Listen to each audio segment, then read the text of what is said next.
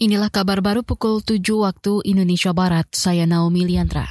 Presiden Joko Widodo meminta jajarannya segera menyiapkan anggaran pemilu dan pilkada serentak 2024. Ia meminta dana APBN dan APBD dihitung dengan baik.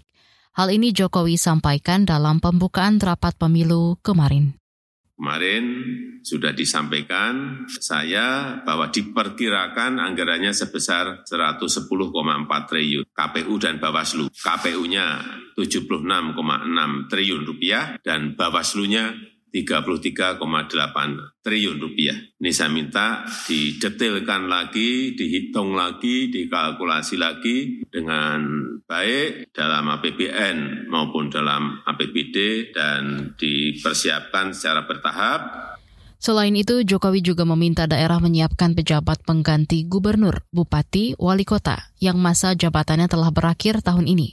Kata dia ada 101 kepala daerah yang mesti disiapkan penggantinya, yakni 7 gubernur, 76 bupati, dan 18 wali kota.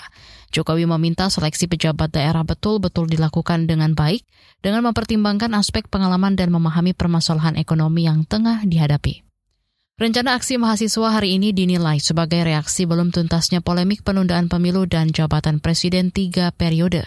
Pengamat politik lingkar Madani, Rai Rangkuti menilai demonstrasi itu sebagai bentuk aspirasi mahasiswa terhadap situasi dan kondisi terkini. Tentu kita bisa pahami kalau kemudian besok hari misalnya mahasiswa tetap bergerak, ya karena memang masih ada ya pernyataan yang dianggap mungkin membuka keran isu ini akan terus dikembangkan gitu. Karena presidennya menyatakan para menterinya sekarang ini sebaiknya fokus kepada kerja-kerja mereka. Tapi sekarang ini kan tidak tidak dengan sendirinya menunjukkan masa depan. Pengamat politik Lingkar Madani, Rai Rangkuti, mengatakan publik mengingat kebijakan yang bertolak belakang dengan keinginan Presiden Jokowi akhirnya terlaksana. Dia mencontohkan kebijakan revisi Undang-Undang KPK yang awalnya ditolak Presiden, namun pada akhirnya disahkan juga.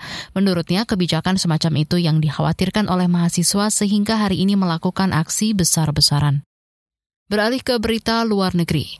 Demonstran kembali duduki pintu masuk kantor Presiden Sri Lanka. Laporannya bersama Eva Mazrieva. Para demonstran di Sri Lanka kembali menduduki pintu masuk kantor presiden untuk hari kedua berturut-turut, menuntut pengunduran diri Gotabaya Raja Pakse karena krisis ekonomi terburuk yang terjadi di negara yang dililit hutang itu.